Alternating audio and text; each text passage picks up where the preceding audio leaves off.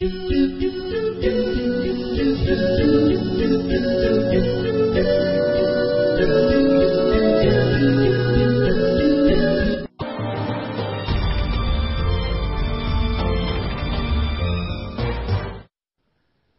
ناقدا يا ناقدا لكلام ليس يفهمه. من ليس يفهم قل لي كيف ينتقد؟ يا صاعدا في وعور ضاق مسلكها. أيصعد الوعر من في السهل يرتعد؟ يا خائض البحر لا تدري سباحته ويلي عليك. أتنجو إن على الزبد؟ إني بليت إني بليت بأهل الجهل في زمن قاموا به ورجال العلم قد قعدوا.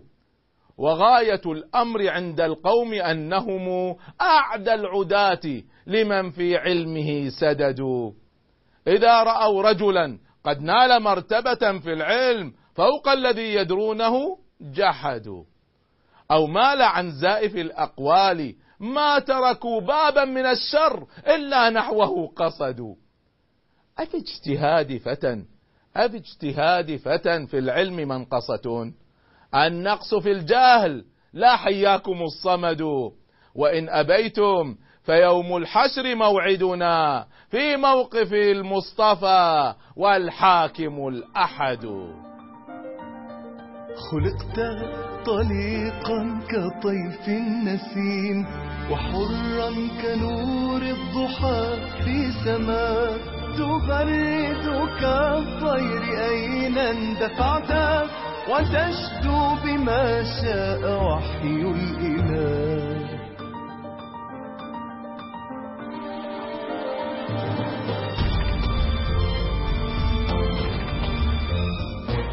كذا صاغك الله في ذا الوجود وألقتك في الكون هذه الحياة. فما لك ترضى القيود. وتحمي لمن كبلوك الجبال.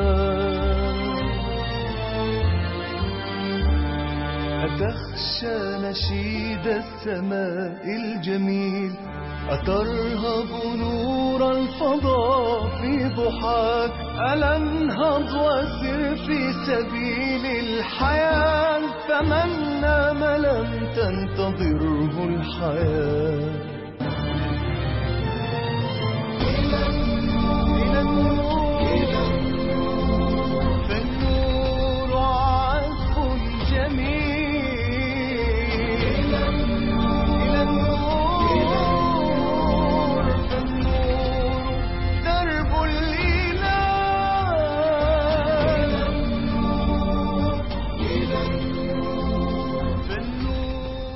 السلام عليكم ورحمة الله وبركاته. أهلا بكم ومرحبا مع علمتني الحياة.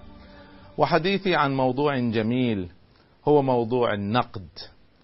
النقد قد يكون إيجابيا وقد يكون سلبيا قد يكون سببا في تطوير أمورنا وحياتنا وقد يكون سببا في التخذيل والتثبيط. أين نضع الحدود؟ ومتى نتجاوزها؟ ومتى يجب أن نقف؟ فنستفيد من النقد ومتى يجب أن نوقف هذا النقد؟ هذا حديثي معكم. وقد اشتهرت في أقوال العرب والأمثال المشهورة أن المؤمن مرآة أخيه وهذا صحيح صحيح لأن كثير من الأحيان الإنسان لا يستطيع أن يرى عيوب نفسه ويحتاج من يرشد من يصحح أذكر وأنا في دوراتي في قضية القيادة عندما نقدم للجمهور الحاضر أدوات لقياس أنفسهم. الدراسات عندنا واضحة جدا إن أعلى المقاييس مثلا لو أخذنا ال Leadership Practices Inventory اللي هو قائمة الممارسات القيادية وهو من أعلى المقاييس في قياس الشخصية قام به كوزز وبوسنر. هذا المقياس رغم كل جودته تصل جودته إلى 97 وأربعة من عشرة بالمئة. لكن إذا قيم الإنسان نفسه تنزل 14 بالمئة دقة هذا المقياس. سبحان الله الإنسان يميل إلى أنه يعني يمدح نفسه ويرى في نفسه يعني أشياء أعلى من حقيقتها. بينما لو قاسه الآخرون ستكون المسألة أدق. لكن إذا تمت المسألة بطريقة صحيحة يعني أذكر ولا أنسى أني طلبت من الناس أنهم يقيموا أنفسهم فكانت التقييمات فيها نتائج جيدة لكنها ليست دقيقة. فطلبت من الآخرين أن يقيموهم فتحسنت النتائج إلا في حالة واحدة. واحدة من الأخوات طلبت منها أن تقيم أخت أخرى وما كنت أعرف أن يبدو بينهم مشاحنات.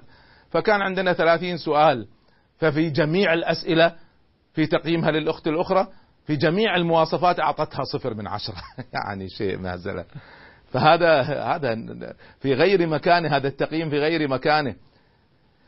النقد إذا تم بشكل صحيح سينفعنا سيطورنا. لكن للأسف كثير منه ليس كذلك. متى يزداد النقد على الإنسان؟ يزداد النقد عندما يكون مثمرا يكون منتجا معطاء مؤثرا. سيزداد عليه النقد. ولذلك يقول حسن البنا رحمة الله عليه يقول الشجر المثمر هو الذي يرمى بالحجر. الناس لا ترمي شجر ليس فيه حجر. ليس فيه ثمر ترميه بالحجر لا يسقط شيء. لما يبحثوا عن الأشجار المثمرة هذه التي يضربوها كثيرا. ولذلك يعني تعودت على هذا النقد. وأني أتعلم كيف أستفيد منه. أذكر ولا أنسى كلمة قال لي قالها لي واحد من مشايخي وأنا شاب في مقتبل الدعوة. قال لي اسمع يا طارق عندما تكبر ويكون لك أثر تذكر أن الناس ستنتقدك. وسيختلف عليك ولن يتفق الجميع عليك فلا تنزعج وتذكر أن الناس اختلفوا على الله سبحانه وتعالى. تريد أن لا يختلفوا عليك؟ فلا يزعجك النقد استفد منه ولا تتأثر به سلبا. ولذلك كان من شأن الصالحين أنهم يقولون رحم الله امرئا أهدى إلي عيوبي. جاء هذا في كلام عمر بن الخطاب رضي الله عنه. وكان عمر رضي الله عنه يقول لسلمان ناشدتك الله إلا أهديتني عيوبي تعطيني عيوبي وبالتفصيل. فقال اعفني يا أمير المؤمنين. قال بل عزمت عليك. ما دام قلت اعفني معناها في شيء. عزمت عليك. فقال والله يا أمير المؤمنين لا أجد عليك إلا أمرين. قال ما هما؟ قال أما الأمر الأول فلك ثوبان عندك ثوبين وليس كل المؤمنين له ثوبان.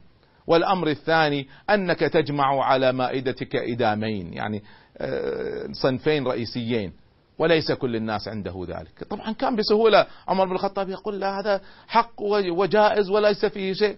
لكن لأنه ينظر إلى نفسه أنه قدوة ولأنه طلب النصيحة. ماذا قال لسلمان؟ قال أما هاتين فقد كفيتهما.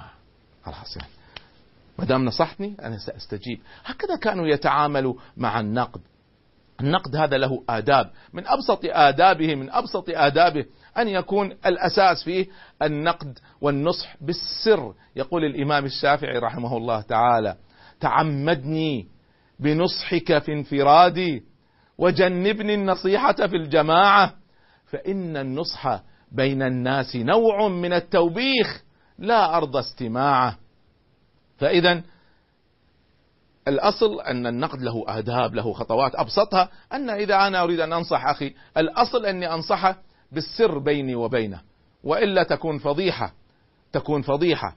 والعكس أني إذا نصحت يجب أن أستجيب للنصيحة وإلا قد أقع في الفضيحة. ولذلك كانت العرب تقول من سمع النصيحة نجا من الفضيحة. من سمع النصيحة نجا من الفضيحة لأن النصح هذا فيه إرشاد فيه إرشاد وفيه توجيه. ولذلك قالوا أن النقد أنواع أنواع من النقد. هناك نقد يسمونه النقد البناء وهو الذي يهدف إلى معالجة نقاط الضعف والإرشاد إلى نقاط القوة. وهناك النقد الهدام الذي ليس الهدف منه إلا التعطيل تعطيل الخطط تعطيل الإنجازات. ليس له الهدف إنه هو التطوير والتصحيح. وهناك نقد يسمى نقد الانتقام. هذا الذي ينصح ما ينصح حقيقة هو يعني يجرح انتقاما لموقف سابق جرى بينه وبين من ينقده. وعكس هذا نقد المجاملة. هذا الذي أنا أطلب منه نقد فما يأتيني إلا بالمدح وكذا. يتجاوز عن نقاط ضعفي ويختلق نقاط قوة مجاملة لصاحب الفكرة ولا صاحب المشروع ولا صاحب الشأن. هذا ما ينفعنا بشيء. هذا يضرني أكثر مما ينفعني. وهناك نقد يسمى نقد التسويق. نقد التسويق هذا النقد المغلف بالمدح والثناء. عشان واحد بس يمرر من تحته شيء يريد أن مشروع ي- يأخذه ولا يكسبه ولا غيره. وهناك نقد يسمى نقد التعالم. هذا الذي ينتقد لا ليس هدف منه أن ينصح ولا يوجه وإنما فقط يريد أن يظهر قدراته الفكرية وغيرها. وما ما يتكلم عن الفكرة وإنما هدفه هو أن يظهر نفسه. وأسوأ من هذا هو نقد الشهرة يفعله بعض الصحفيين وبعض الإعلاميين. من أجل الحصول على الشهرة ولفت الأنظار هو يعني يهاجم شخص آه، له مكانة ولا له فضل فقط عشان الناس يعرفوه. وقد رأينا هذا كثيرا. طبعا النقد المحترم النقد العالي بالذات هو الذي يسمى النقد التخصصي. هذا النقد التخصصي الذي يقوم به متخصصون في النقد. بمعنى عالم شرعي ينتقد عالم شرعي ويركز على الفكرة وما فيها وأدلتها وبراهينها أو النقد الأدبي أو النقد اللغوي أو النقد الفني. هنا يقوم به شخص متمكن ويركز على المشروع أو الفكرة ولا يهاجم الشخص. مقابل هذا هناك ما يسمى النقد الشخصي. هذا اللي إحنا عندنا في علم الإدارة آه، في علم إدارة الاجتماعات آه، عندنا شيء نسميه نفسيات الناس في الاجتماعات. فواحدة من هذه النفسيات التي ندرسها نفسية تسمى أنا لك بالمرصاد. أنا لك بالمرصاد. هذا شخص كلما تكلم لابد ينتقد أحد الموجودين حتى لو ما له علاقة بالموضوع. يعني إحنا هذا المشروع ممتاز. لو كان فلان قام بعمل ما له علاقة بالقضية.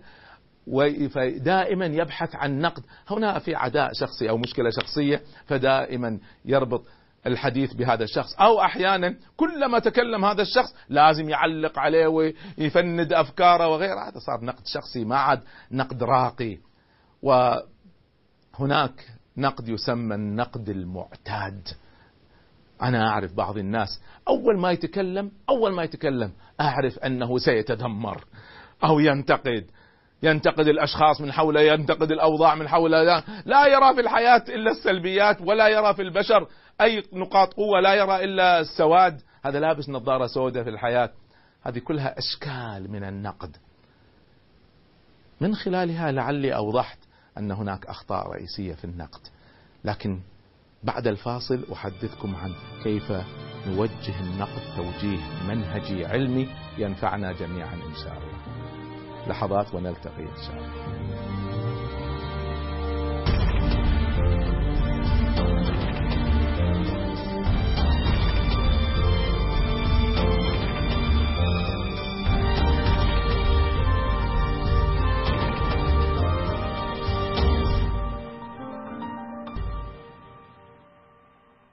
أهلا بكم ومرحبا مع علمتني الحياة وحديثنا في هذه الحلقة عن النقد.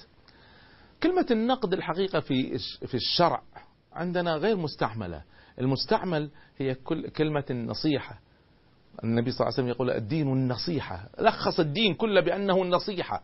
قلنا لمن يا رسول الله؟ قال لله ولرسوله وللمؤمنين ولأئمة المؤمنين وعامتهم، يعني حتى للحكام وحتى للعامة.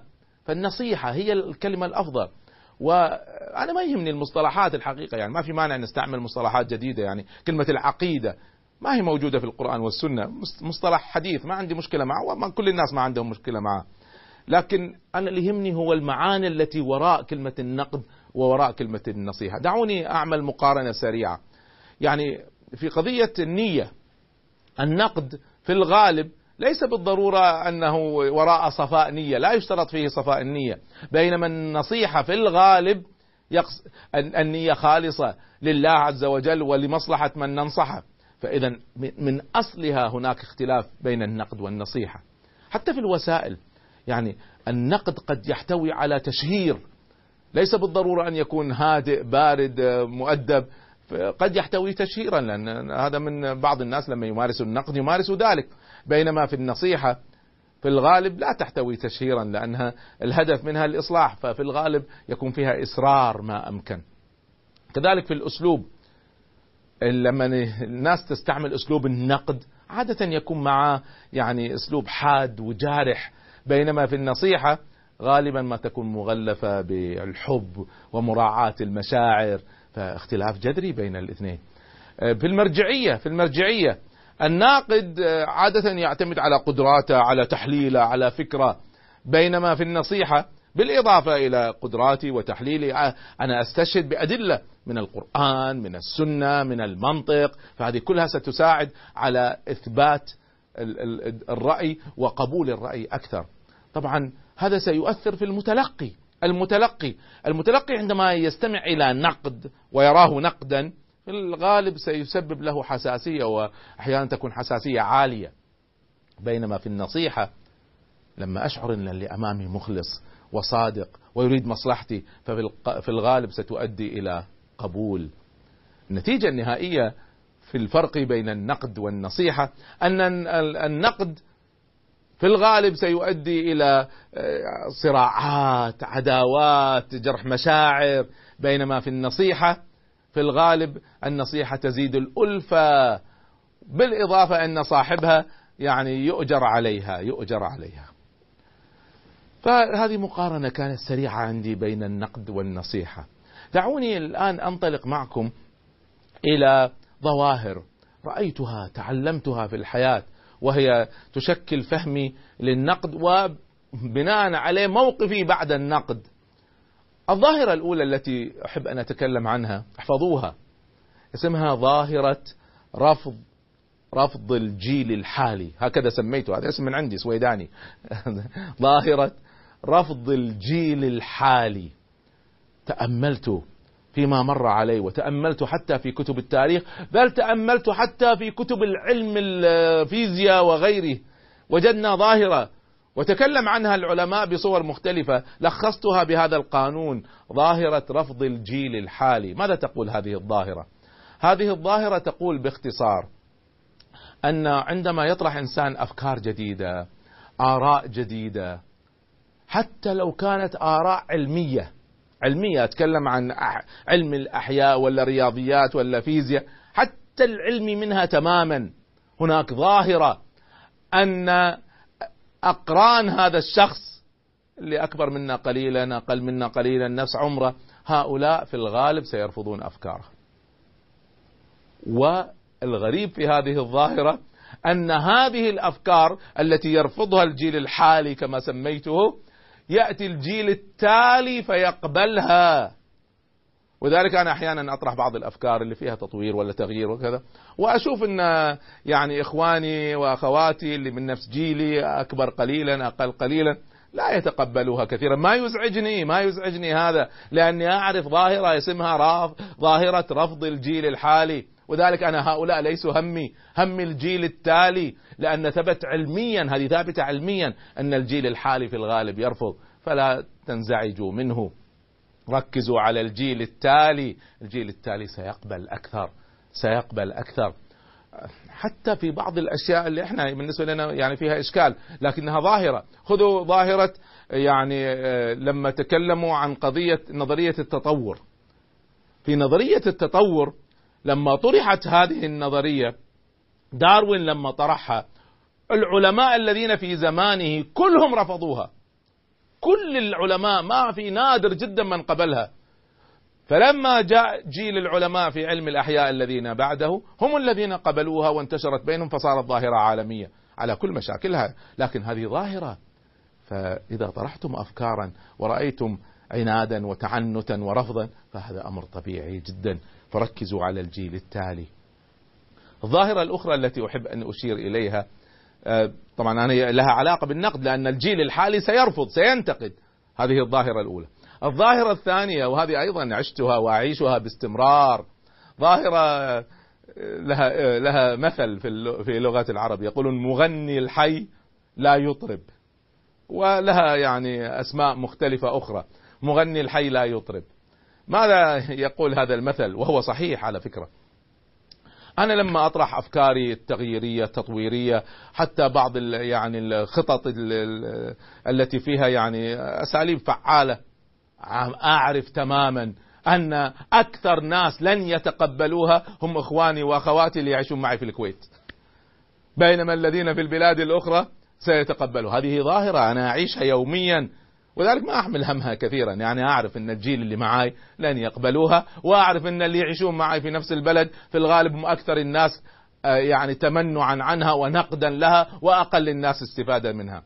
فهذا طبيعي أيضا لا يزعجني لأني أعرف هذا فما فمن عرف مسألة النقد وأدواته وطرقه وكيف يعمل عندها يعرف كيف يتعامل معه وبالتالي ما يسبب له ازعاجا.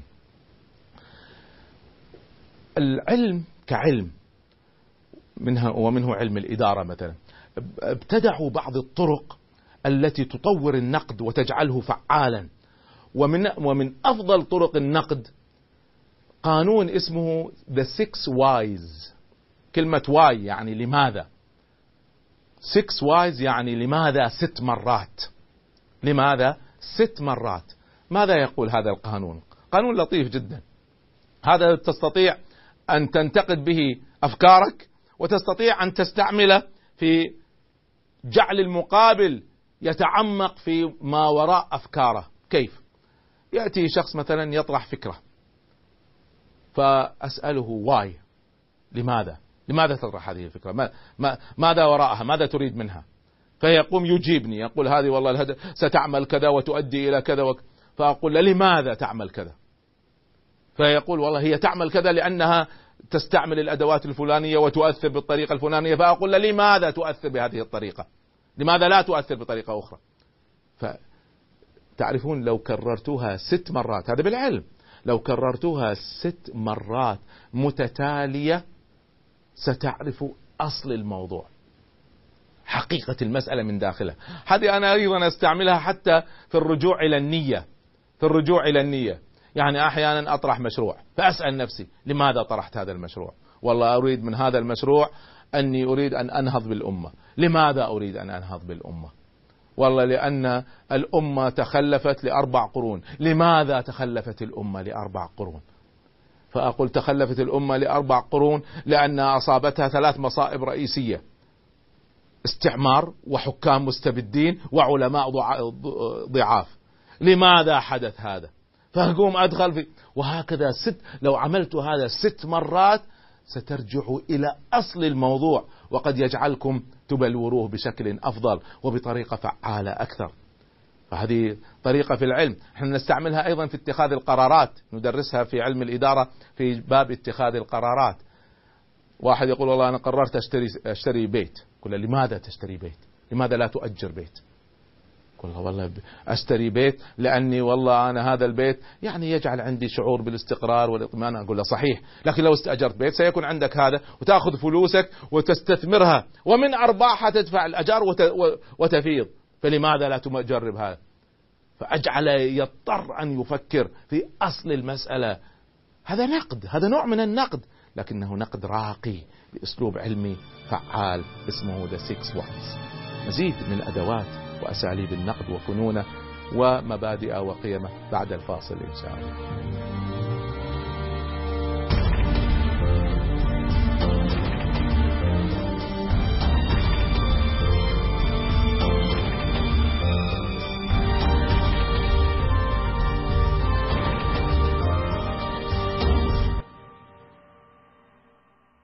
أهلا بكم ومرحبا مرة أخرى مع علمتني الحياة وحديثنا حول موضوع النقد. موضوع النقد إذا مورس بشكل صحيح فيتحول إلى نصيحة جميلة وآثارها فعالة، أما إذا مورس بطريقة خاطئة فليس منه فائدة. أذكر مما حدث معي لما كنت يعني أصغر سنا وكنت في أمريكا وكنا الحمد لله نمارس الدعوة هناك. فأذكر أن كان عندنا مؤتمر كبير وزارني في ذلك المؤتمر كثير من العلماء. واحد من العلماء الذين تشرفنا بزيارتهم لنا الدكتور عصام البشير وهو أخ عزيز وصديق حميم وأستاذ كبير الله يحفظه. فكان في شاب يبدو إن أفكاره لا تتوافق مع أفكاري أو يبدو إن يعني منزعج مني شخصيا ما أعرف إيش القصة. ف كان ينتقدني كثيرا. أنا لا ألتفت إلى نقده يعني يتكلم علي من وراي. ثم فجأة بينما كنت أمشي في المؤتمر وأمام الناس كلهم مسكني وبدأ يتكلم علي أمامي بأسلوب شديد. أنا علمتني الحياة أني في مثل هذه الحالات ما أرد. طبعا كان كثير من الشباب المحبين وكذا واقفين لكنهم لم يفعلوا شيئا. طبعا أنا فلسفتي في هذه المواقف أني ما أرد. فتركته يتكلم يتكلم. ولم يتوقف. وإذ بالدكتور عصام البشير مار. فغضب غضبا شديدا ومسك هذا الشاب وبدأ يهزه. قال تأدب مع الناس. وبدأ يعني يوجه توجيه. فيه يعني شدة لكنه يعني من بعدها بدأ يتعلم كيف يتكلم مع الناس. القصد هنا الرسالة هنا التي أقولها أن إذا كان عندك أحباب أصحاب آه، تلاميذ مؤيدين دعهم هم يردون عنك. لا ترد أنت. فأحيانا لما ترد قد اللي أمامك يعني ما يكون عنده حدود في الأدب فيزداد يعني ويتجاوز الحدود ويسيء إليك. وهذه من المشاكل الكبيرة. سألنا بعض الشباب العربي حول قضية النقد ودعونا نسمع بعض إجاباتهم على هذه الأسئلة. إذا كان اتخذ قرار خاطئ أو فعل خاطئ طبعا النقد بفيده في أمور تصليح آه، الخطأ اللي ارتكبه. إذا ما واحد نقده راح يفكر إنه العمل اللي عمله هو صح عمل. فمن غير نقد العمل مش راح يكون صحيح أكيد. إذا كان نقد من أجل النقد فقط والإساءة للآخرين. لما يكون نقد إيجابي ويكون بمصلحه الشخص ويكون آه، مبني على أساس صحيح أستفيد منه. لما يكون نقد آه، سلبي ما أستفيد منه وما أسمعه. لازم يستفيد الشخص من النقد. النقد البناء النقد ال- الغير جارح الإنسان لازم يستفيد منه لأنه لمصلحته ولتطوير معلوماته. آه، إذا حس إنه في عنده نقص وإنه هذا النقد إجا في مكانه يعني إنه بيعبي فراغه وحس إنه الناس تنتقده فيه. آه، عندما يكون نقد هدام يتدخل في شؤون الأسرة يتدخل في شؤون الإنسان فهذا يكون نقد غير بناء يعني. النقد مرفوض لما بمس بشخص البني آدم ال ال ال الداخلي يعني اللي هو الع- الشغلة الخاصة لإله. مش الخاصة لإله بالذات الخاصة لأسرته إذا كانت آه، جارحة. آه، يكون نقد مرفوض في حالة آه، تعدي على الحريات الشخصية أو تجاوز حدود الأدب. أنا بالنسبة لي لما يكون النقد مبني على علم وثقافة مش على جهل و بتقبله وبراجع نفسي إذا كان هال- هالنقد فعلا موجود فيي أو يعني أنا براجع نفسي وبحاول بستفيد منه وبدرسه بعلم وثقافة كمان. بس لما يكون النقد مبني على جهل وعلى رمي عبارات نابية فأنا برفضه تماما أكيد و... وبكبه ورا ظهري. طيب يعني أنا هنا أريد أن أعلق متى يكون النقد مرفوضا؟ طبعا إجابات الشباب سمعتوها لكني أريد أن أعلق آه، متى يكون النقد مرفوضا؟ هو الأصل أن النقد لا يرفض. الأصل أن النقد مقبول. لكن هناك حالات علمتني الحياة أن هناك حالات النقد فيها مرفوض. وقد أنا يعني إذا صارت المسألة بهذه الصورة في الغالب الذي أعمله أني أترك المكان وأمشي. دع الذي ينتقد يتكلم ما ما أرد عليه ولا أجاد له ولا أجلس أخليه يتكلم.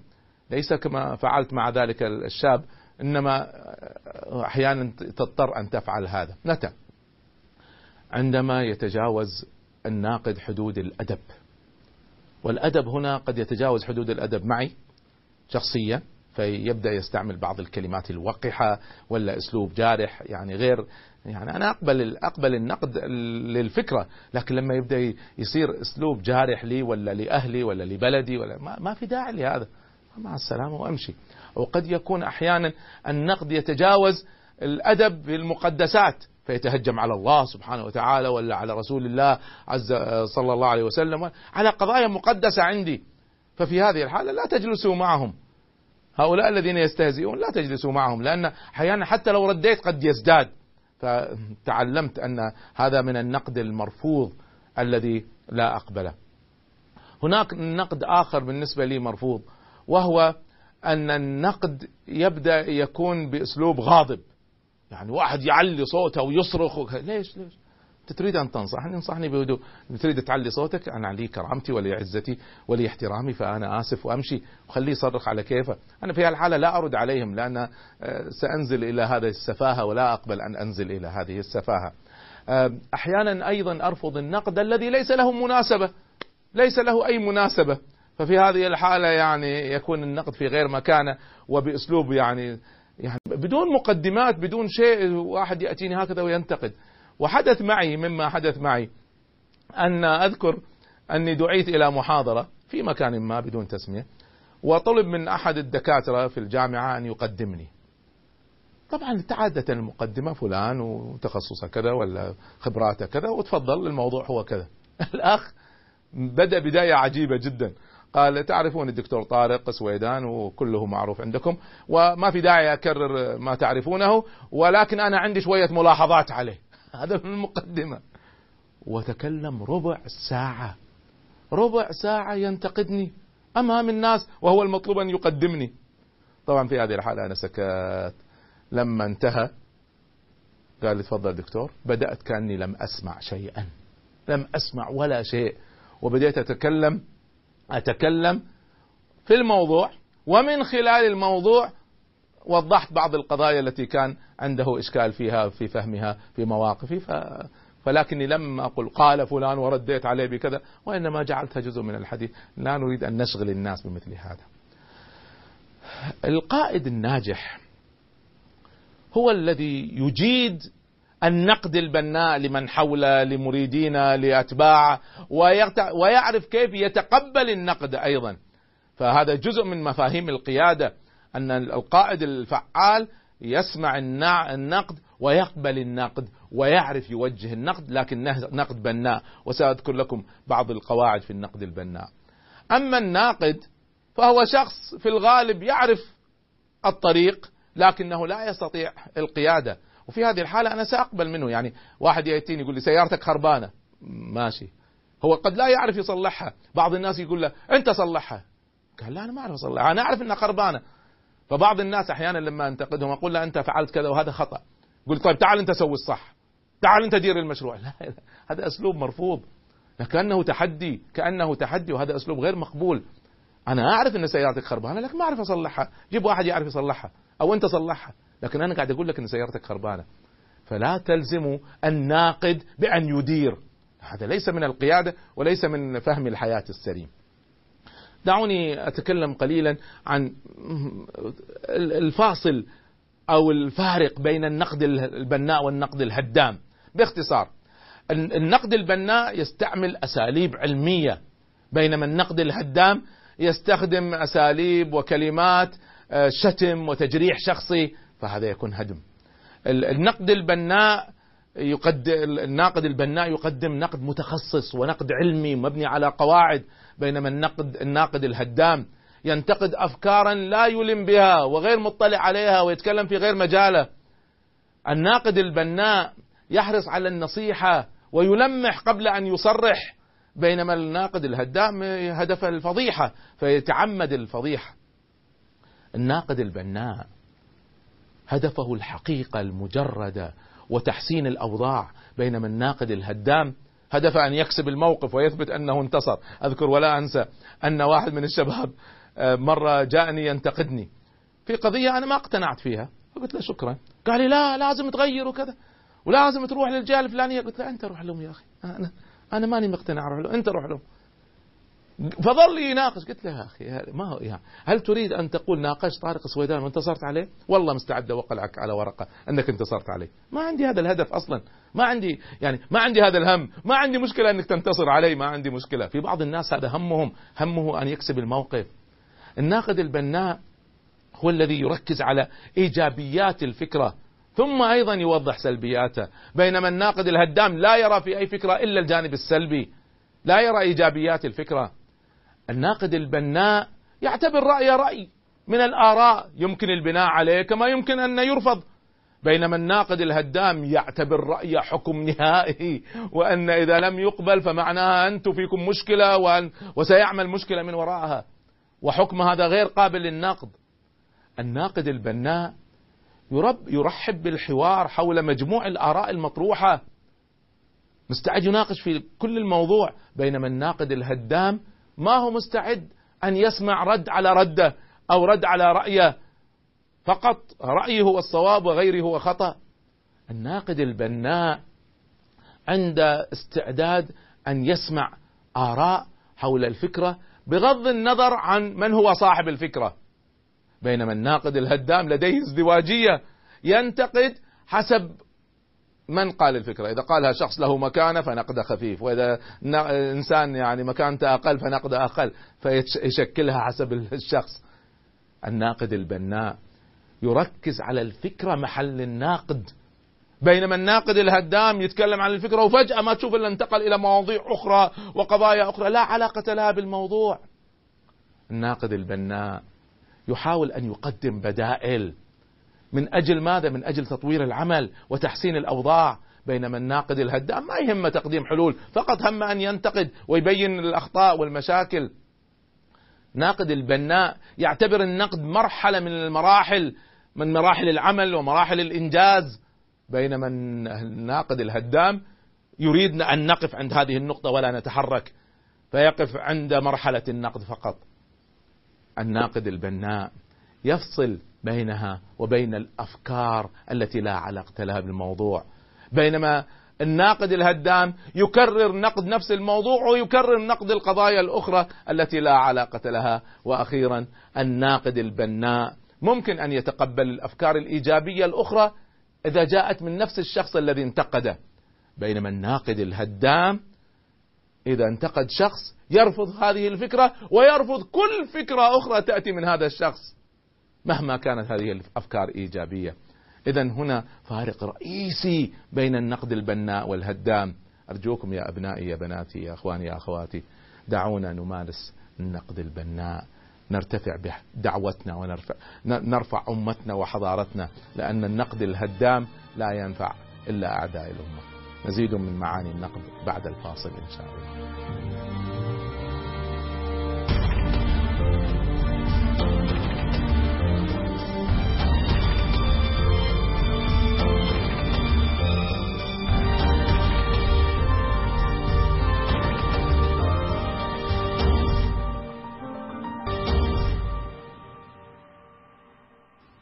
أهلا بكم ومرحبا مرة أخرى مع علمتني الحياة وحديثنا اليوم عن النقد. النقد بينت لكم انواعه واشكاله وقواعده والاختلاف بين النقد البناء والنقد الهدام. بقى قضية لابد من الحديث عنها وهي فوائد النقد، هل النقد هذا فعلا مفيد؟ طبعا النقد مفيد. النقد مفيد من عدة جوانب ولذلك يجب أن نقبله ويجب أن نتعامل معه بأريحية ما ننزعج من النقد. لكن نحن نتمنى الذين ينتقدون سواء إحنا ننتقد الآخرين أو الآخرين ينتقدون ينتقدون أن إحنا جميعا نتعامل برقي بما يجعل النقد يقبل أكثر من فوائد النقد. النقد يساعدنا في كشف الأخطاء وإذا كشفنا الأخطاء نستطيع أن نتجنبها فهذا من فوائد النقد العظيمة. لولا وجود من ينتقدنا ممكن أخطاء تمر علينا ونحن لا ننتبه. ولذلك من المهم جدا أن الإنسان يكون عنده سعة صدر لا تضيقوا بالنقد لا تنزعجوا من النقد وخاصة إذا جاء من ناس محبين ناس مخلصين ناس يريدون أن نتطور ونتحسن كما يقولون يعني إنما أنتقدك لتكون فوق النقد. هدفي من هذا النقد أن ترتفع وتتحسن فتكون فوق الناقد هذا إذا جاء من أمثال هؤلاء سيكون قبول بأريحية. تخيلوا بدون نقد ماذا سيحدث؟ تتراكم الأخطاء وتزداد وأحيانا تسبب مشاكل رئيسية. والناس لا تحس بذلك إلا لما تحدث المشكلة. بينما بوجود النقد نستطيع أن نوقفها قبل أن تحدث. الأمر الثاني من فوائد النقد أن النقد يساعد على الحد من تقديس الأشخاص وأحيانا حتى تقديس الأفكار.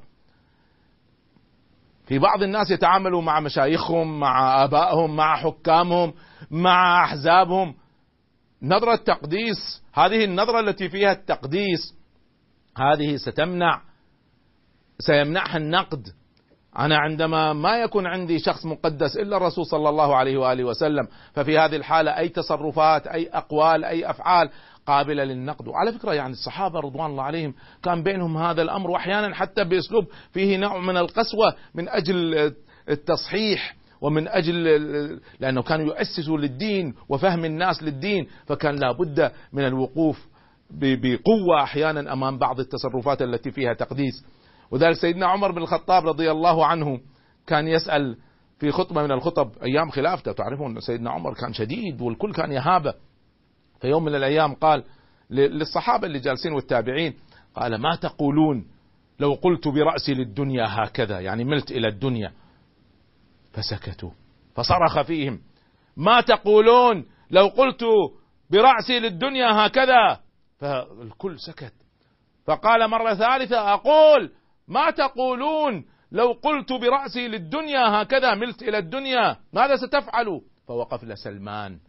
الفارسي رضي الله عنه قال والله يا أمير المؤمنين لو قلت برأسك للدنيا هكذا لقلنا بسيوفنا هكذا. قال ما تقول؟ قال أقول والله لو قلت بر- برأسك للدنيا هكذا لقلنا بسيوفنا هكذا. فقال عمر الحمد لله. خشيت خشيت أن أخطئ فلا يقومني أحد. جزاك الله خيرا.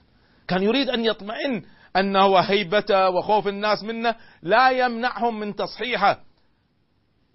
هذا هو المطلوب.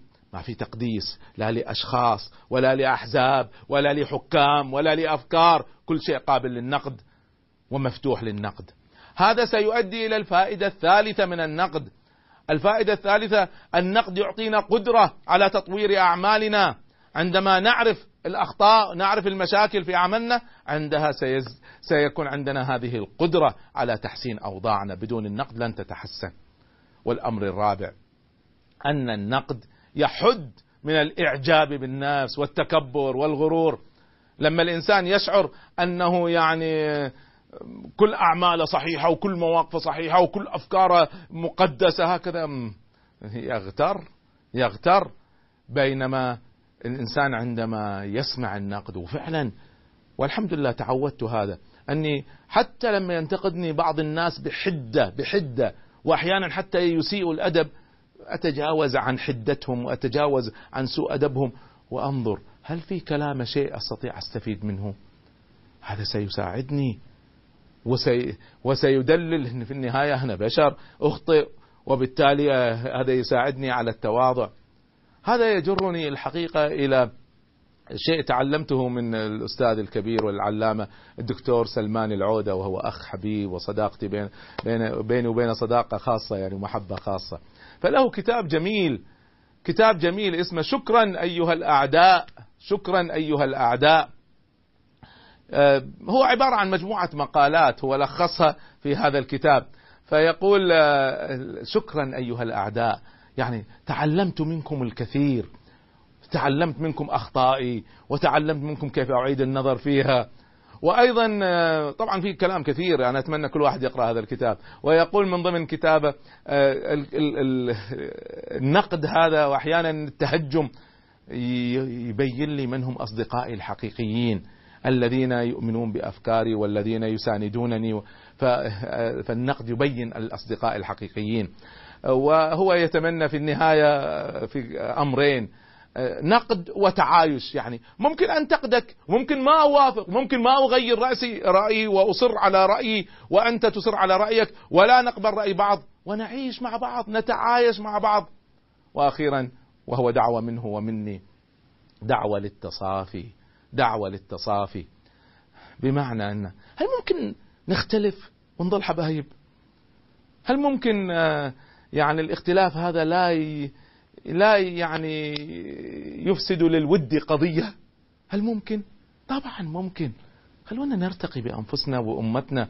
نختلف. وقد لا نتفق. وقد نصر على رأينا. وقد يعني أحيانا نشتد في رأينا. لكن الحمد لله يا الحمد لله. هذا من نعم الله علي أن حتى الذين أختلف معهم في قلبي ما في إلا سلامة الصدر عليهم. ما أوافق. لا أرضى. أنا أعتبر أن أحيانا بعض التصرفات هذه خطأ لكن ما دام من المؤمنين من ما دام من المسلمين فقلبي سليم. حدتي وعدائي لأعداء الدين. النقد طبعا له أساليب كثيرة قد يكون بالكلام وقد يكون بالتمثيليات الفعالة وقد يكون وهذا من الأساليب القوية الكاريكاتيرات. يعني اطلعت على مجموعة من الكاريكاتيرات. نقد لاذع لكنه نقد عميق. يعني انظروا إلى هذا الكاريكاتير الأول. هذا الكاريكاتير الذي صار تعلق الناس بالموبايل وال BlackBerry وكذا صار يعني أنساهم حياتهم إلى درجة أنا مرة كنت جالس في العائلة وجالسين يمكن عشرين واحد فالشباب بالذات أنا أتكلم لجيل الشباب أنتم جايين. الجلسة لتزوروا بعض وتبنوا العلاقات سبعة من العشرين جالسين كل واحد ماسك ال BlackBerry ويتكلم أنت لماذا جئت أصلا؟ لماذا جئت أصلا؟ فهذا صاحبنا في الكاريكاتير اصطدمت به السيارة وراحت وممكن على وشك إن تولع السيارة وهو أهم شيء عنده هذا ال BlackBerry. أو ذاك الكاريكاتير الآخر الذي فيه نقد مباشر إلى قضية عدم رعاية المعوقين، أماكن مخصصة للمعوقين، كم وكم رأينا أناس يقفون في أماكنهم. فيأتي هذا الكاريكاتير يرمي المعوق خارج المكان ويأخذ مكانه، هذا هذا أسلوب، وأيضا الكاريكاتير الثالث الذي يتكلم عن الرأي والرأي الآخر فيتحول إلى صراع ديكه ومشاكسة و... هذا نقد؟ هذا حوار؟ هذا انحطاط بالحوار؟ فجاء الكاريكاتير يلخص هذه المسألة بأسلوب فعال وغير عادي. ألخص فأقول النقد فيه مجموعة من النصائح أختم بها. أولا لين القول ولو كنت فظا غليظ القلب لانفضوا من حولك. المبدأ الثاني التلميح قبل التصريح. النبي صلى الله عليه وسلم كان لما يريد أن ينبه شخص ما ي... ما بال أقوام يفعلون كذا؟ ما يقول لماذا أنت فعلت ذلك؟ والأمر الثالث قبل المدح قدموا بين يدي نجواكم ومدي... ونقدكم شيء من المدح. ابدأوا بالمدح قبل الذم نعم الرجل عبد الله لو كان يقوم الليل نختم كعادتنا بكنز من كنوز الإحياء.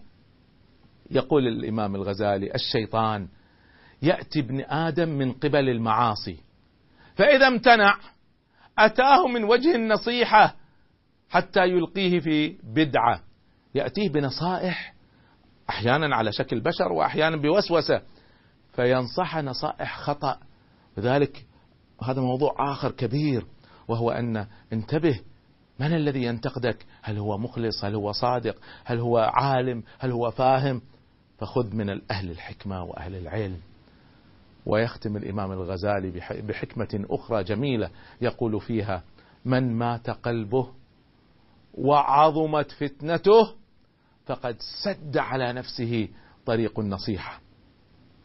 طريق النصيحة سد طريق النصيحة على نفسه. نصيحة هنا.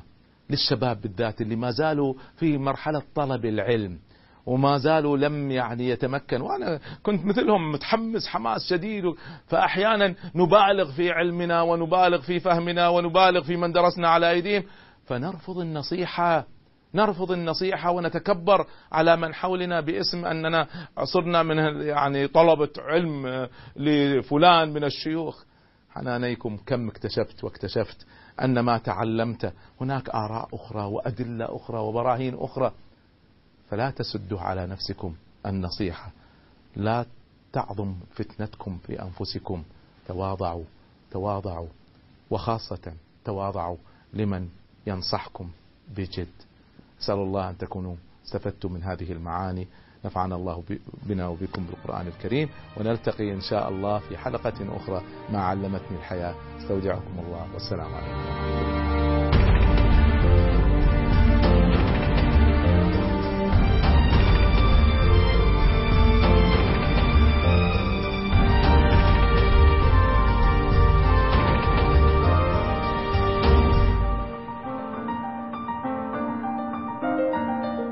خلقت طليقا كطيف النسيم وحرا كنور الضحى في سماء. تغرد كالطير أين اندفعت وتشدو بما شاء وحي الإله.